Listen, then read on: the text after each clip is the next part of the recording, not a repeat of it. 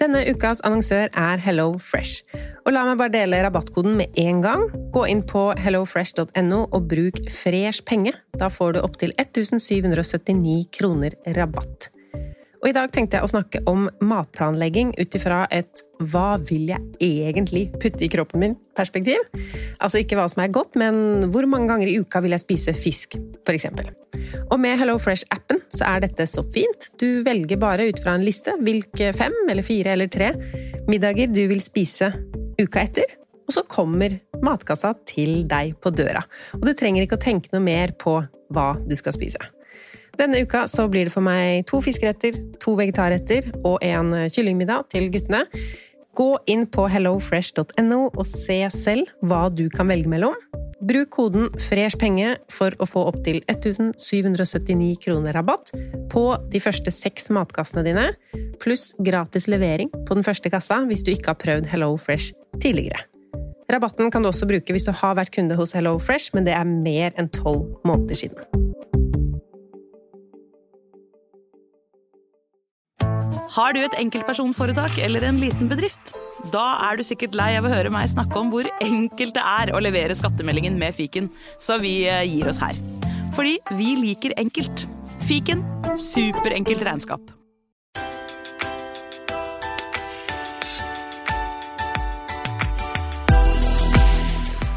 Ny uke, nye muligheter. Jeg heter Lise Wermelie Christoffersen, og i dag skal jeg svare på ting dere har lurt på. Så det blir mange ulike temaer her i dag. La oss hoppe rett inn i restskatt. Når man har fått restskatt, når burde man betale det? Restskatt det er jo altså det samme som baksmell på skatten. Du har betalt for lite skatt i fjor i forhold til hva du burde, måtte, skulle. Og først, la oss tenke litt på hvordan kunne det skje? Du har betalt for lite skatt. Det kan jo komme av at du har tjent mer enn du hadde planlagt. Kanskje har du flytta, gifta deg, skilt deg, solgt aksjer altså Mange ting i økonomien din som eh, Hvis de endres, så endres også hvor mye skatt du skal betale. F.eks. hvor mye gjeld du har. Så hvis du har gjort noen sånne endringer i år, i 2022, så kan du gå inn nå på skatteetaten.no og sørge for at årets trekk er riktig. At det reflekterer din faktiske situasjon, sånn at det her ikke skjer igjen. Men ja, restskatten Det som skjer, er at hvis du betalte for lite skatt i 2021, så får du nå en regning som forfaller 20. august. Det er for de fleste. Hvis du får skatteoppgjøret ditt litt seinere, så vil også den fristen bli flytta litt. Så se på det du får eh, tilsendt. Hvis beløpet er over 1000 kroner, så blir det automatisk delt på to. Så da får du én regning 20. august, og så må du betale halvparten en måned seinere. Men så kommer vi til det du lurte på, fordi det blir lagt på renter på disse pengene. Altså det beløpet du skylder.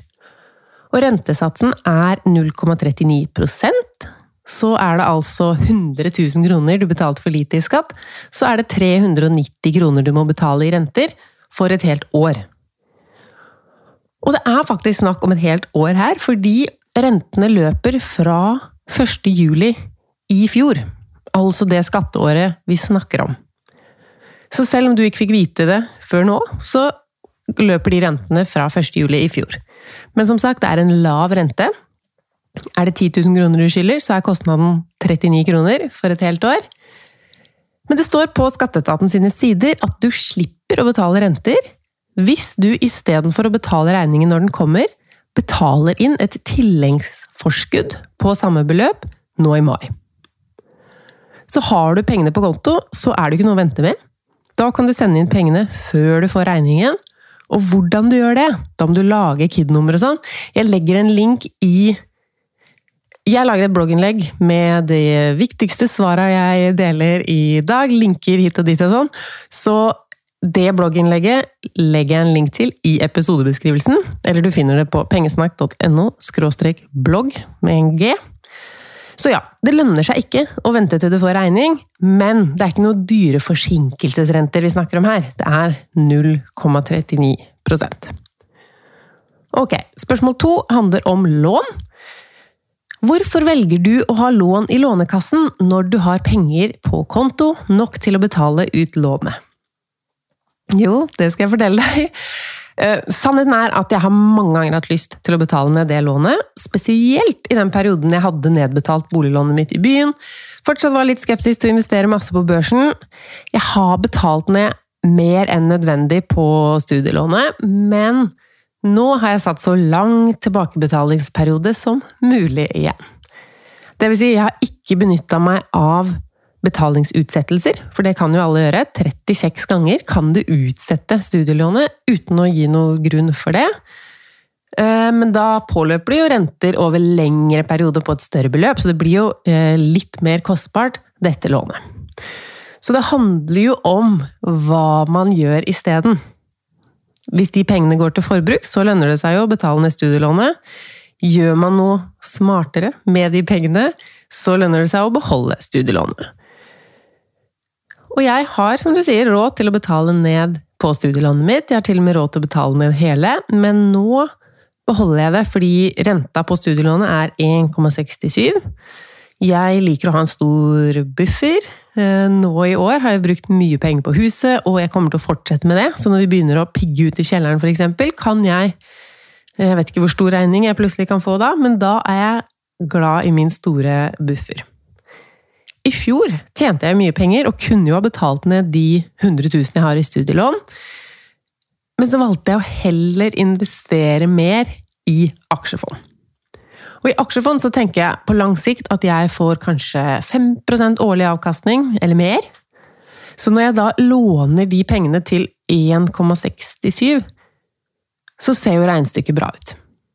Så bra faktisk at jeg sikkert burde utsatt så mye jeg kunne, eh, og jeg burde tatt et høyere lån på huset for å kunne investere masse i aksjemarkedet. Boliglånet har jo også en lav rente nå, sammenligna med hva man tenker man kan eh, få av fortjeneste i aksjemarkedet.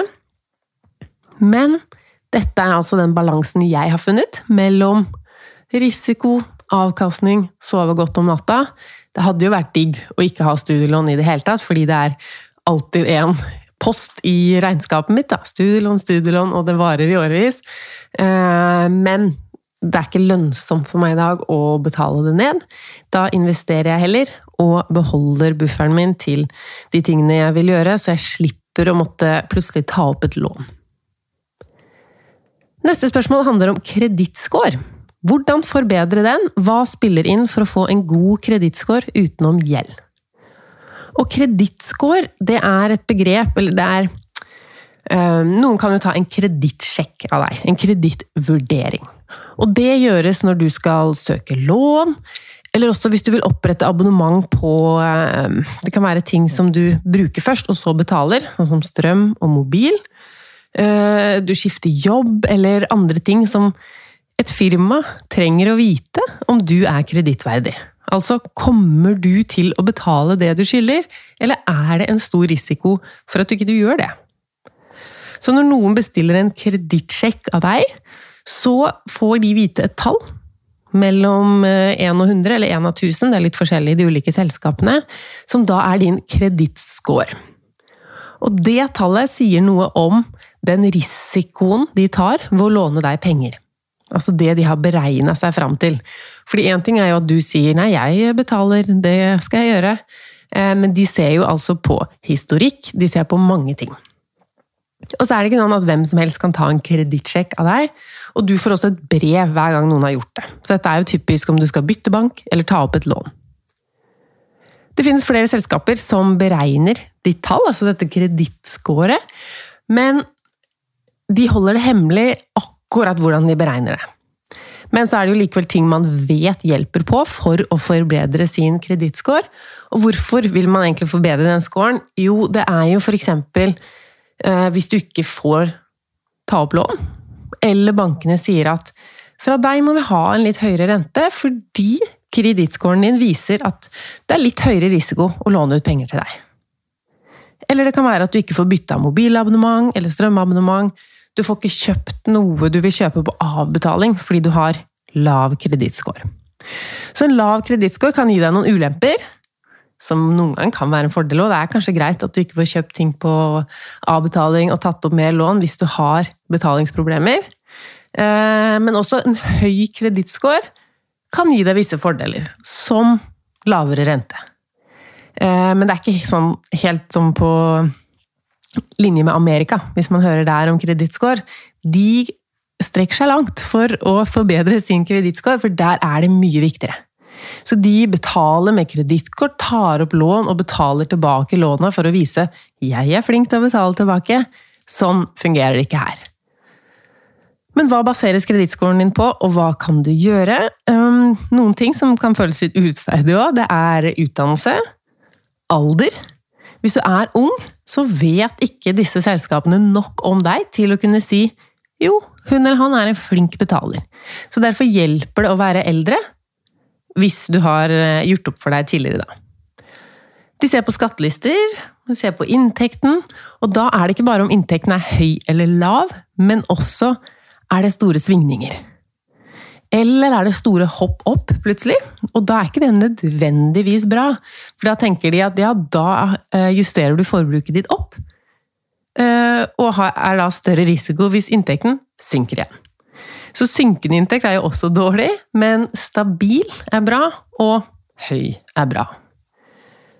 Gjeld, betalingsanmerkninger, og også så ser de på eh, adresseendringer. Altså hvis du flytter rundt ofte, så er det negativt for din kredittscore.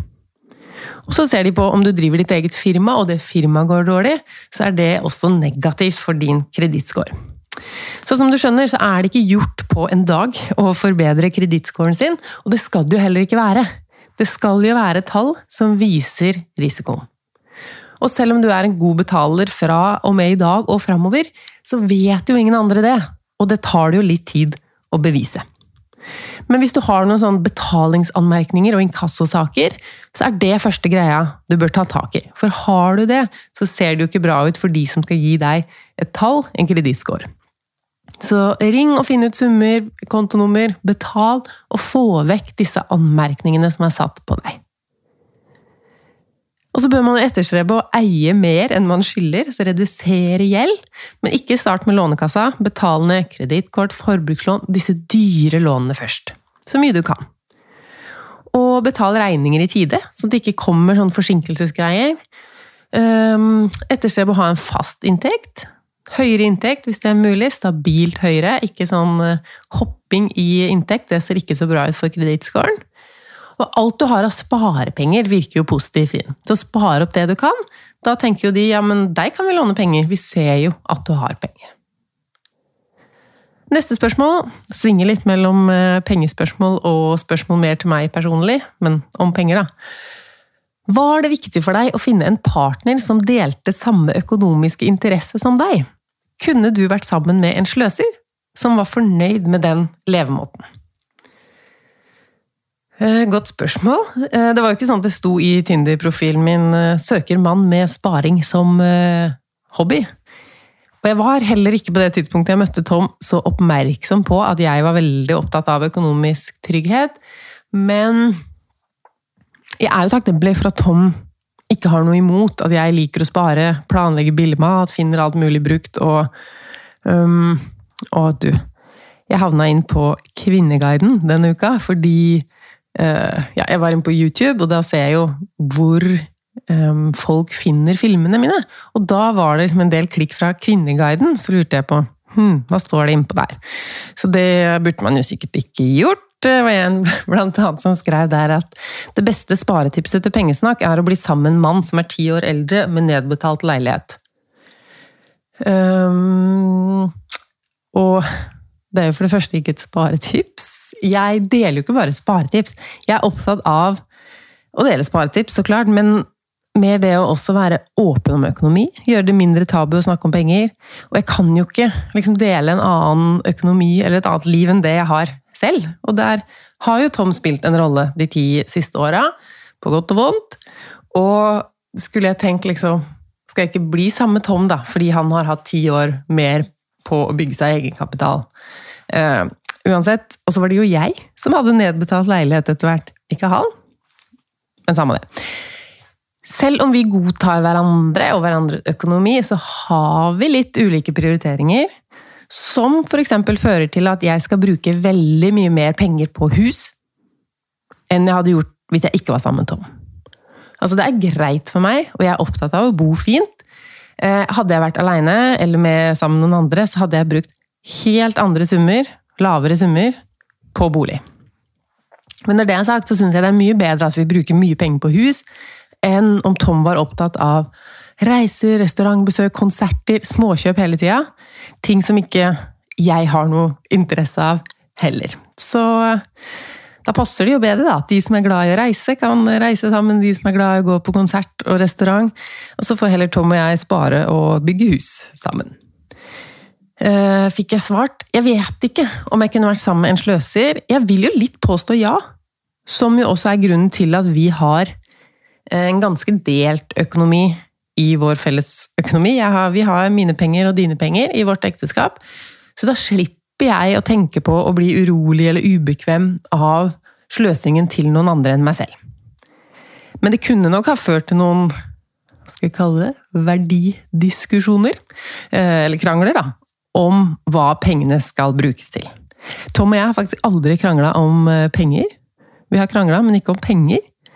Og det er ikke fordi vi alltid er 100% enige, men jeg tror noe av greia er at vi snakka ganske tidlig om penger. At penger har alltid vært noe vi har snakka åpent om.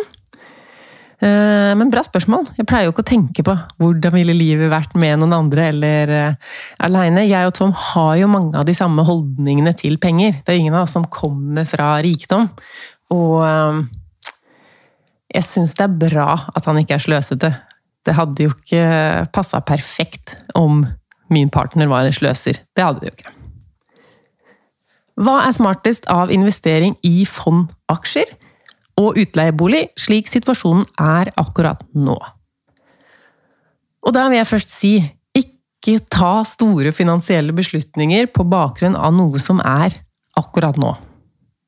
Både aksjer og fond og utleiebolig er langsiktige investeringer. Eller, man kan kjøpe og selge på timen, men da er det jo mer spekulering enn investering. Og hva som lønner seg mest, det vet vi jo først når vi ser bakover i tid. Så det er helt umulig å svare på. Og én ting som man må også ha med i beregningen, er jo arbeidet og størrelsen på investeringen.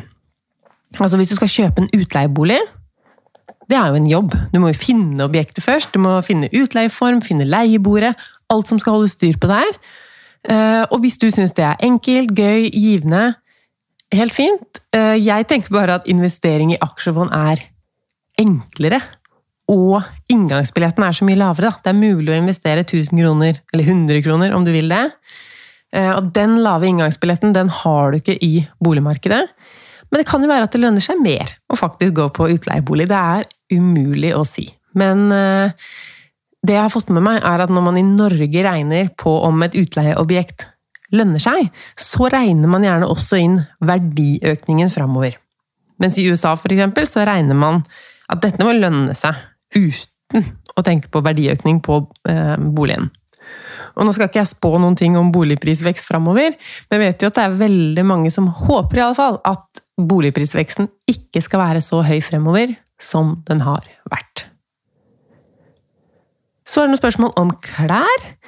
Jeg lurer på noe om kapselgarderobe. Hvordan er det med vasking av klær om man bor alene? Føler det vil bli ganske mange tomme maskiner. Og kapselgarderobe, for deg som ikke har fulgt meg og garderoben min i årevis, det handler om å ha få klær i skapet. Og pakke vekk resten. Så det er en måte å ha en minimalistisk garderobe på uten å nødvendigvis kvitte seg med noe. Jeg har forresten hatt en stor gjennomgang i min garderobe nå, og holder på å klippe sammen en video hvor jeg teller alle klesplagg jeg eier. Den kommer på YouTube på torsdag, hvis jeg tør å dele det. Eh, men angående tomme maskiner, hvis tanken er at du må vaske klær oftere for å ha nok, så er det noe jeg egentlig ikke kan bekrefte. Altså Har man en veldig minimalistisk garderobe, så kan jeg skjønne tanken. Altså Hvis du bare har tre truser, så må du jo vaske oftere. Eh, men det kan, du kan ha mye mer enn det. En minimalist jeg kjenner til, hun vasker klær en gang i måneden. Fordi det var ikke klærne bare hun vil minimere, men dette stresset med klesvalg. Så da har hun 30 truser, da. Men her kan man jo prøve seg litt fram. Har du så få plagg i kapselgarderoben at du må vaske halvtomme maskiner, så burde du kanskje ikke ha rydda bort så mye som det du har gjort. Jeg har 33 plagg i min garderobe, altså ting som er framme. Men det inkluderer også yttertøy og sko og vesker. Men igjen, ikke undertøy. Så der har jeg mer enn nok. Faktisk er ikke dette noe jeg har tenkt på som et kapselgarderoberelatert problem. Jeg skjønner jo at det kan være det hvis kapselen din er liten, men jeg bor jo også med tre gutter som det virker noen ganger som de er ansatt her for å produsere klesvask, så jeg har ikke noe problem med å vaske tomme maskiner, iallfall. Og så er det en annen som spør hvor mye klær bør jeg ha? Og da er svaret mitt, som nettopp har drevet med telling, under 100. Og det skiller seg fra hva en gjennomsnittsnordmann har, 359. Og da snakker vi ikke om nordmenn som er spesielt interesserte i mote, men gjennomsnittsnordmann. Og du må telle med òg, ikke sant. Alt eh, friluftsliv, klær og Det blir mange plagg når man teller badetøy, skiklær og alt mulig. Sko og Jeg telte veldig mye treningstøy i min garderobe, selv om jeg ikke trener. Men eh, det får være tema til en annen gang. Hmm. Hvor ofte bør man ta verdivurdering på huset? Og det spørs jo helt hva er formålet med å ta en verdivurdering? Hvis du trenger en ny takst for å få lavere rente Det er jo ikke helt sånn Jeg ser det står mange steder at ja, har du under 60% belåningsgrad, så får du en lavere rente. Jeg har ikke noe beviser for at det er en absolutt grense. Du kan når som helst høre med banken, og kanskje de gir deg en grense. da, At du må ha under 60% så har du jo det å forholde deg til. Men ikke tenk at du automatisk skjer i det um, boligverdien din er så høy at lånet ditt havner under 60% Dette er noe du også aktivt må ut og gjøre selv, i de aller fleste banker. Men hva kan være andre grunner til å ta en verdivurdering? Det er jo hvis um, partneren din skal kjøpe seg inn i boligen. Da ville jeg faktisk tatt kontakt med flere enn én for å få en verdivurdering, fordi boligen skal jo ikke selges. Meglere de um, baserer seg på litt ulike ting. Så hvis du har flere verdivurderinger, så kan man ta et gjennomsnitt heller, da. Uh, du kan også ta en verdivurdering for å finne ut hvor mye egenkapital du eller dere egentlig har. Hvis du planlegger å flytte, hvor mye kan du bruke på neste bolig? Eller for å bake inn et topplån, bli kvitt kausjonist. Um, eller ønsker en periode med avdragsfrihet. Da må jo også lånebeløpet være lavere enn hva huset er verdt. Um, så ofte er det jo også sånn du trenger ikke å få en megler på besøk. Altså I banken så har de kalkulatorer som de ja, baserer på område, prisvekst, og kan gi deg en cirka verdi på boligen din nå. Men klart, hvis du har pussa opp eller gjort endringer som du tenker vil innvirke på taksten, og du trenger en verdivurdering til et eller annet formål, så kan det jo være greit. Men hvis du ikke har noe grunn til å ta en verdivurdering, du har lav rente, lav belåningsgrad, ingen ønsker om å låne eller bytte bolig, ingen skal kjøpe seg inn, så ser ikke jeg noen grunn til å bruke tid og eventuelt penger på en verdivurdering. Så er det en som spør hvordan starte hele spareprosessen fra scratch? Og det er vanskelig å si noe generelt, fordi jeg vet ikke hva du skal spare til, eller hvordan situasjonen din er. Ingenting. Jeg ville nok begynt med, hvis jeg tenker på det nå, jeg skulle starta min sparereise på nytt, på en måte Jeg ville begynt med å finne liksom, mål og mening, retning. Hvorfor skal du starte en spareprosess? Eh, reflektere litt, meditere litt, kanskje. Eh, sette mål. Altså, hva er det du vil, og hvorfor vil du det? Hvis svaret er 'jeg vil spare mye', så ville jeg faktisk heller ikke starta med å spare mye, hvis du ikke har gjort det før. Vi må bygge opp eh, økonomien samtidig med at vi bygger opp mestringsfølelsen. Og som sagt, det er mye enklere å spare og motivere seg til å spare og starte hvis du har et mål. Altså hvis du skal spare mye for å ha frihet nok til å jobbe halv stilling om ti år, eller du vil kjøpe en båt, eller hva det nå skal være, et mål som er noe annet enn ja, nå må jeg få begynt å spare penger. Men start i det små, og helt konkret Sett opp et automatisk trekk til sparekonto hver lønningsdag, eller den dagen trygden kommer, på Jeg pleier å si 1 jeg. Fordi da får du vist deg selv at du kan spare. Du kan spare hver eneste måned, du. Det går kjempefint. Og det er mye bedre å øke beløpet raskt, du kan jo øke beløpet allerede fra måned til to, enn at du setter et for høyt trekk, og så må du ta ut igjen fra sparekontoen. Det er litt sånn killer for motivasjonen. motivasjon. Og så vil jeg råde deg til å ikke starte med alt. Man blir jo gjerne litt ivrig når man skal få til noe nytt, som f.eks. sparing, og så skal man starte med alt. Men start heller med én ting som du klarer. Det kan være um, selge noe, starte med matbudsjett, skrive en samboerkontrakt. Men ikke gjør alt samme kveld. Kanskje finne ut hvor mange penger du skylder. Og så er det eneste oppgaven du skal gjøre i dag. Så i morgen kan du gjøre noe nytt. Vi blir fort overvelda fordi økonomi er ikke bare tall. Det er følelser. Så vi må jobbe på lag med følelsene og jobbe for å få et godt forhold til penger og vår egen økonomi. Altså Plutselig så syns du det er spennende å søke på nett for å finne ut hvor mye du kan spare på å flytte boliglånet fra en bank til en annen. Og det er jo dit vi vil. Så vær så snill og ikke overveld deg selv med å skulle få oversikt over alt og gjøre alle tiltakene denne uka. Så altså to ting. Et fast sparetrekk. Sett det opp i banken så det går av seg selv. Da sparer du hver måned og er i gang. Og så kan du også lage deg en lang liste med ting som du vil bli god på for å kunne spare mer. Altså du vil Um, sjekk om du betaler for mye på mobilregning, strøm, forsikring. Er det noe som kan byttes eller justeres? Lånet ditt, hvordan er rentene? Uh, du vil kanskje begynne å investere. Du bør skrive et testament etter hvert. Få kontroll på et matbudsjett, shoppe mindre, sette opp en samboerkontrakt, uh, forhandle lønn. Men start med én av de tingene. Og så når du er ferdig med den, så gjør du neste. Ikke start med tolv ting og så tenk at nei, du mestrer alt på en gang, for det er faktisk urealistisk. Start med f.eks. å rydde i garderoben. Altså, det høres ut som det ikke har noe med økonomi å gjøre, men faktisk, mange av mine følgere starta sin sparereise med å få kontroll på klær. Kapsgarderoben, som vi snakka om. Plutselig hadde de ikke noe shoppingbehov. De ser et overforbruk, og at man kan klare seg med mindre, som lett blir overført til andre områder av boligen og livet man ser hva man trenger, og hva som faktisk er unødvendig luksus, eller rett og slett sløsing. Og med klærne så kan man også selge unna de klærne som ikke er i bruk, og få inn penger der. Og plutselig så er du en eh, hva heter det, katalysator, motor Du er i gang med et eller annet som ligner på økonomisk kontroll, selv om det er på et lite sted. Men får du inn penger, så kan det brukes til å betale gjeld eller andre ting. Og så begynner man å sette pris på små beløp. Eh, for det er jo ikke alt man kan selge som man får så mye for, men da tenker man igjen på det når man er ute og handler. Gidder ikke å betale for mye.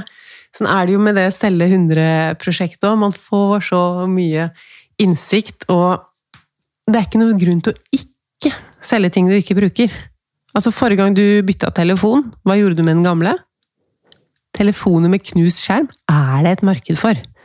Så jeg skal ikke gå så mye mer inn på hva du kan selge, men jeg kan jo legge link til en video med de 100 tingene vi solgte i fjor, i blogginnlegget jeg lager. For det er snakk om penger inn, og det er en enkel utfordring, noe du kan mestre, få til, og så fortsetter du med neste steg, neste steg, og plutselig så har du spart masse penger og blitt skikkelig sjef i din egen økonomi. Er det bedre med en egen bufferkonto, eller er det vel så lurt å legge det inn i rammelånet for å få lavere renteutgifter? Og bufferkonto eh, så Det var et spørsmål til om det, så vi skal snakke mer om det seinere. Men hvor skal du ha bufferkontoen? Du kan legge det inn i rammelånet, fordi rammelånet kan du jo velge selv å ta inn og ut av. Så lenge Altså, når rentene øker på rammelånet også etter hvert nå, så vil jo i hvert fall fordelene med å ha så lavt lån som mulig eh, bli høyere enn ulempene ved å ha pengene inne i rammelånet. Så det tenker jeg er en god strategi, ja. Hvordan motivere seg til å holde på så lenge? Mm. Eh, jeg tenker la oss dra parallellen til slanking. Det kan man ikke holde på med evig. Og et spareprosjekt som du hater, Det kan du heller ikke holde på med evig. Og de gir sikkert ikke ønskede resultater engang, hvis du ikke trives. Det må være en livsstilsendring. Så istedenfor å fokusere på hva du ikke får lov til av meg, nei, av deg, så må fokuset være på hva får du? Hva gir det deg å bruke mindre enn du får inn? For det er helt uendelig med fordeler, vil i hvert fall jeg si. Å ha penger er muligheter, trygghet og etter hvert frihet. Og hvis du ikke har penger til overs Altså, det er jo så mange ulemper. Hele livet blir vanskelig når pengene ikke strekker til. Så gjør det som skal til for at du har det bra i økonomien din, eh, og prøv å ikke Altså, ikke sitt og grill i skogen, og det skal du ikke gjøre uansett nå pga. skogbrannfare, men ikke gjør disse gratisaktivitetene og tenk jeg skulle heller ønske jeg kunne bruke penger. Jeg skulle heller ønske jeg var i Syden. Altså, det er et liv med masse gratisaktiviteter og økonomiske tiltak som gjør det mulig for deg å etter hvert dra til Syden, uten å gjøre det på kreditt. Det er så mye fint og gøy man kan gjøre som er gratis. Eller prøv å gjøre det gøy, i hvert fall. da. Planlegg jula tidlig, så du finner gaver og det du trenger til en lavere pris enn om du skulle ordne alt lille julaften. Gjør det litt sånn gamification. Prøv å få til ting billig. Se liksom gleden i å spare penger, og ikke bare gleden i å bruke penger. Dra på loppemarked og finn det barna trenger av regntøy, eh, lampe til nattbordet så du slipper å kjøpe det nytt. Gjør sparetingene litt jeg skjønner at ikke alle har sparing som eh, hobby, men prøv å finne en motivasjon og noen ting som du syns er gøy. Du blir ikke motivert av å gjøre disse positive endringene i økonomien hvis du syns det er kjipt. Og ikke kutt alt det du elsker. Altså, vil du ha negler som er lagt i sesong, så trenger ikke det være det første du kutter ut. Du trenger faktisk ikke å kutte det ut i det hele tatt. Hvis du ser ned på hendene dine mange ganger i løpet av et døgn og blir glad, så fortsett med det. Men velg bort noe annet. Skrell vekk det unødvendige og ting som ikke gir deg glede, først. Men så må mange av oss faktisk skrelle bort utgifter vi gjerne skulle hatt. Det ser ikke økonomisk kjempelyst ut uh, framover, så gjør heller noe av den viktige jobben nå. Bygge opp litt sparing, så slipper du å sitte til høsten uten penger til å betale regningene. For det er litt sånn at Jo nærmere vi føler alvoret på kroppen, jo mer blir det sånn at vi kanskje tenker åh, nå må jeg spare inn på alle områder, nå må jeg gjøre alt, og så går vi på en smell. Og det er så dårlig for motivasjonen, fordi da har vi bevist for oss selv at vi ikke kan. Tenker vi. Vi kan jo, selv om vi har gjort én dum ting. Det er jo bare å prøve på nytt, men så er det så mye enklere nå. Å starte med litt og litt, bygge opp gode økonomiske vaner som du kan trives med på lang sikt. Og så er det en som vil høre mer om bufferkonto. Og bufferkonto er det er din bestevenn i økonomien. Kanskje egentlig ikke i økonomien, men i livet. Det er en airbag når uhellet er ute. En sånn Hvis du får en uventa utgift, det kan være inngangsporten til en dårlig spiral av dyrelån, og motgiften til dette her er bufferkontoen. Nå hørtes det kanskje helt magisk ut. Bufferkontoen er ikke noe mer enn en konto med penger på, men den På sett og vis så har den noe magisk ved seg, fordi du vet ikke hva pengene skal brukes til, du vet ikke hva den kommer til å redde deg fra, men den gangen du plutselig trenger penger, så er den der for å redde deg. Og man kan si mye om hvor stor en bufferkonto skal være, men det er så individuelt hvor mye penger du trenger på din bufferkonto. Og det trenger ikke å være en helt egen konto heller, men jeg vil absolutt anbefale at bufferen din ikke er på din vanlige brukskonto, som du har kort til, men at det er en egen bufferkonto. Kan også ha den kontoen i en helt annen bank, sånn at det er litt sånn for det kan jo være fristende da, å bruke de her pengene uten at det er krise. Og der har man jo lov å definere litt selv. Hvor stor skal en krise være før man kan ta fra bufferkontoen? Og jeg vil egentlig ikke gi deg noen regler, for selv så er jeg sånn at jeg har heller en kjempestor bufferkonto. Så stor at jeg kan bruke den hvis jeg har lyst til å dra på helgetur til Stockholm. Eh, men det er jo ikke noe krise. Og da er det kanskje ikke en bufferkonto jeg har, men en stor sparekonto, men den fungerer også som en buffer hvis plutselig Nå skulle jeg si hundene mine blir syke, nå har ikke jeg noen hunder, men eh, det er så mye som kan skje, som plutselig blir en kostnad. Eh, hvis bilen ikke funker lenger, og man trenger en ny bil, ja, hva gjør du da? Hvilke penger skal du bruke? Du har kanskje allerede et billån. Eh, en bufferkonto er penger som kan være ganske kjedelig å spare opp. Det er jo mye gøyere å spare til en reise, eller et bryllup, eller til noe du kan se for deg og glede deg til og glede deg over. Um, men så kan det jo være samme type sparetiltak. Du sparer en stor konto, og så fungerer det jo som en buffer mens du sparer til ferie eller bryllup, eller Og så må man bare fortsette å spare, da. Ikke dra på den reisen hvis eh, kontoen din da står i null etterpå. For det er jo litt typisk en sånn uventa utgift som plutselig kommer, den kommer jo ikke når det passer best. Den kommer jo typisk når det ikke passer best, og det er jo derfor det er så lurt å ha en egen konto til disse pengene. Så er det en som spør om prosessen med å pusse opp kjelleren. Hvor, hvor er dere så langt? Hvordan arbeider arkitekten? Osv. Snakk gjerne mer om oppussing i resten av huset, smarte og økonomiske valg i planlegging, gjennomføringsfasen. Dette kan jeg sikkert snakke en hel episode om, eh, men la meg bare si et par ting om arkitekten. Fordi han jobber på en helt annen måte enn hva vi greier å tenke selv. For eksempel eh, Han kom inn her, og så eh, sa litt sånn hva vi tenkte, og hva vi ville. Og så tenkte han enda større og friere enn det. Sikkert litt dyrere òg, men for eksempel Hvorfor vil dere ikke ha et vindu så dere kan se ut i hagen? Jo, det vil vi jo så klart. Nå kan vi jo ikke engang tenke at vi ikke tenkte på det selv. Um, og så sa han ja, når dere skal bygge den nye kjelleren, la oss ta inngangspartiet i kjelleren. For da blir det mye mer en naturlig del av huset. Altså, så smart.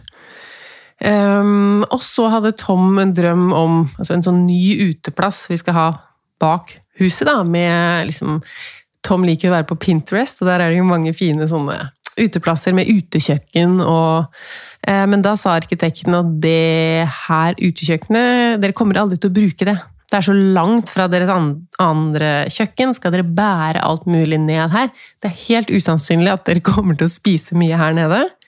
Og det har han jo så rett i. Vi har en terrasse rett ved liksom, kjøkken, spisestue. Så det er jo der et eventuelt utekjøkken, hvis vi skulle hatt mer av det, eh, ville vært. Men der er det jo heller ikke så langt å gå inn til det andre kjøkkenet. Så eh, det koster med en arkitekt, men de ser ting på en annen måte og tenker på hvordan man bruker huset. Um, blant annet anbefalte han et vindu på kjøkkenet hvor jeg ville tenkt men her er det ikke noe utsikt. Vi ser jo bare ut på hekken til naboen. Men det gir en annen stemning til huset. Både lysinnslipp, men også hva man ser på. Man ser ikke på en vegg, men man ser utover. Så ja, mange gøye ting. Vi får se på hva vi skal realisere. Vi har heldigvis ikke noe eh, sånn kort tidsfrist eh, på det her, men det er et veldig gøy prosjekt å se for seg hvordan et hus som i utgangspunktet var fornøyd med, kan passe enda bedre til hvordan jeg og familien bruker det. Eksempel at jeg jobber jo hjemmefra nå. Hvor i huset skal jeg sitte og jobbe? Eh, hvor skal vi sove? Ja, alt mulig. Hvordan man bruker et hus, og hvordan flyten skal være. Trapper. Eh, tenke på oppvarming kontra flyt. Ja, veldig mange ting som er gøy å holde på med. Eh, vi får lage egne innlegg med kostnader og alt det der. Så er det en som spør om man bør makse boliglån for å investere andre steder. Og det har vi jo snakket litt om. Nå spør du en ekstremt trygghetssøkende person som liker å betale ned gjeld, men som også liker å investere. Så man må jo bare finne sin egen balanse der. På børsen så kan det gå ned og ned og ned i årevis. Eh, boligverdien Vi er jo vant til at det er noe som bare øker og øker. Eh, Veit ikke hvordan det er framover. Og så er det jo også sånn at boligverdien din, hvis du har et lån, da Boligverdien øker så mye den øker uh, uansett. Uansett hvor mye lån du har, Så hvis du har mye lån på huset, så er det ikke sånn at den verdiveksten blir mindre din. Den blir mer din. Altså, den er din uansett. Mens i aksjemarkedet så må du jo ha faktisk egne investerte penger for å få eh, vekst på pengene dine der. Jeg ser at jeg har snakka veldig lenge. Jeg har fortsatt spørsmål igjen. Kanskje jeg skal lage en del to-episode av eh, spørsmål og svar, for det var mye jeg hadde lyst til å spare på her. Men eh, episoden er over. Du får gå inn og se i eh, blogginnlegget diverse linker til ting jeg har snakka om, f.eks. det med restskatten. Hvis du var en av de som har penger du må betale skatteetaten, skal du kanskje gjøre det litt før enn du må. Dette med kredittscore, forskjellige ting. Vi snakkes neste mandag.